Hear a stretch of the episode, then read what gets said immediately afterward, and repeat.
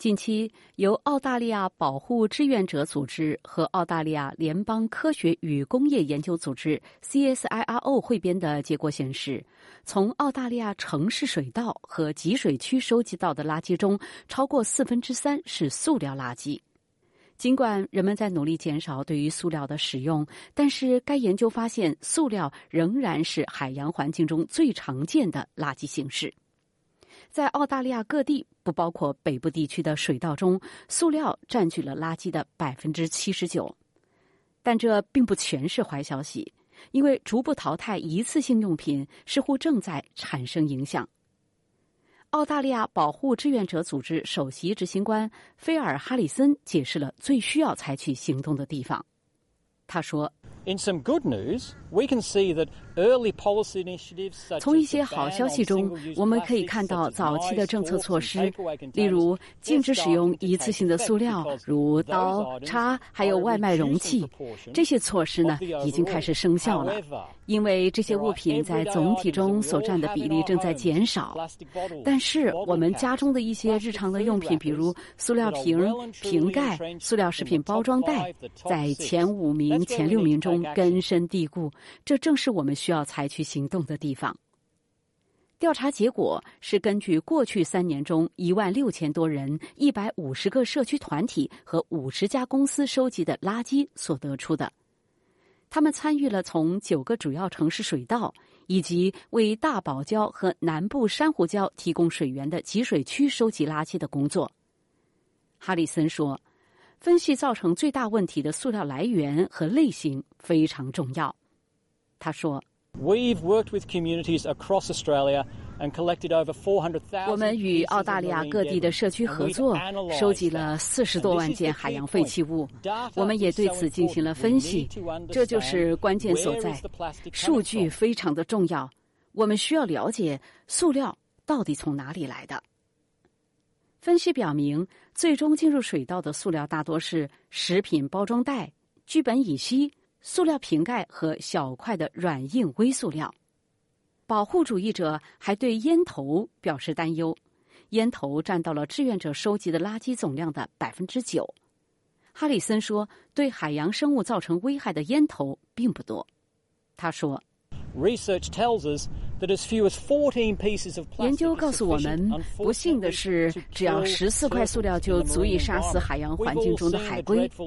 我们都看到过这种情况发生时的可怕的画面。我们必须要阻止这种现象。澳大利亚的海鸟也面临危险。根据世界野生动物基金会的估计，约有百分之八十五的海鸟受到塑料污染的影响。在六月八日国际海洋日到来之前，澳大利亚各地的志愿者参加了首次世界海洋日活动。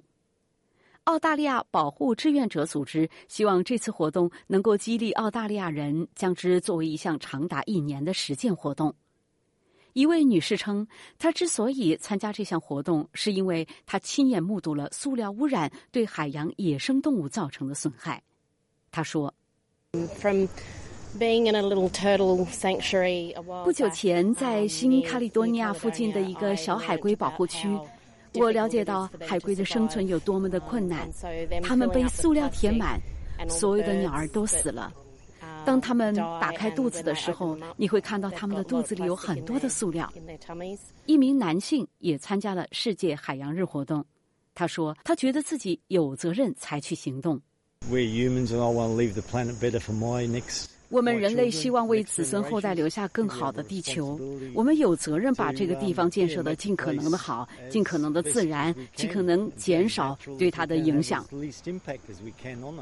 澳大利亚保护志愿者组织的分析还按首府城市细分了海洋主要支流中的塑料污染比例。珀斯的垃圾中塑料含量最低为百分之六十一。而在悉尼，这个数字上升到了百分之九十一。哈里森说，该组织已经与澳大利亚联邦科学与工业研究组织 （CSIRO） 合作，开发了资源，帮助澳大利亚人进行家庭废物审计，希望这能够鼓励民众在塑料污染进入海洋之前，首先采取行动，减少塑料污染。Catherine 是一位三岁男童的母亲。他对于塑料制品对于环境的污染发表了自己的看法。大家好，我叫 Catherine，是一位三岁男孩的妈妈。今天我们谈论的话题是关于塑料污染以及垃圾排放的问题，是环保类的话题。我想这都是大家非常感兴趣的。大家也注意到一个新闻，就是说在前几年，像中国这样的发展中国家，他已经向世界宣告说自己不再接受来自发达国家的这种垃圾。那么自然产生一个问题，就是像发达国家，那它的这个垃圾的排放和塑料排放往哪排呢？那我们现在看到的数据说，像悉尼这样的国际性都市，它的塑料垃圾已经成为全球的一个很重要的污染源，而且在全球是排在前面的。那么我作为一个三岁男孩的妈妈呢，不敢说自己是一个彻头彻尾的环保主义者，但是我在生活中呢是比较注重这个环保的。我发现一个非常严重的问题，我们经常给孩子买玩具嘛，国外的玩具也好，还是国内的玩具也好，他们的这种包装是特别的复杂，哎，一层一层的，就是说涉及到一个垃圾分类问题，有些人可能这个分类又做不好。第二就是这个排放的问题，它。往哪去排呢？第三就是说，我们这些玩具，当你用旧了、用坏了，我们是怎么去处理呢？那我个人来说，我就是经常会把这些保存还好的玩具，给它清理干净以后，送给身边的朋友或者是幼儿园。那我发现呢，就是说送到幼儿园这种大型机构，它是比较好的，它可以循环循环来回利用，那么既环保又节省开支，那也能让小朋友有一个这种玩具共享。另外呢，我还发现一个问题，也是在包装，就是我们上超市去购物，经常去看到有一些蔬菜水果，它这个包装也是里面又有盒子，外面又套着塑料。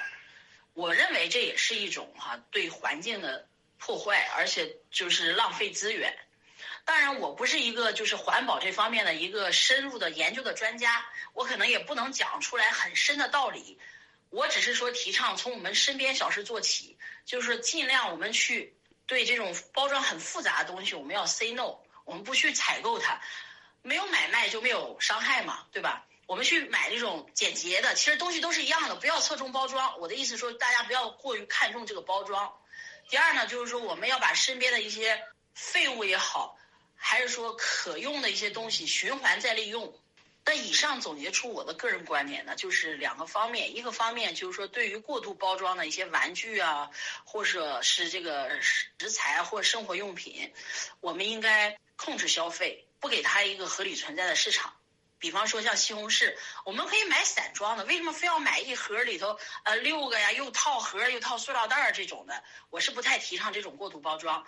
第二个方面，我讲观点就是说，我们生活中一些东西，比方孩子的玩具。除了那种破坏的很严重的啊，好的情况就是保存良好这种情况，可以进行一种循环再利用。那么从我们切身来做好这个环保这方面的工作。谈起环保的话题，当然还有很深很深。我今天就发表一点自己的这种观点和看法，我也希望从大家的观点和看法中得到一些启发。谢谢。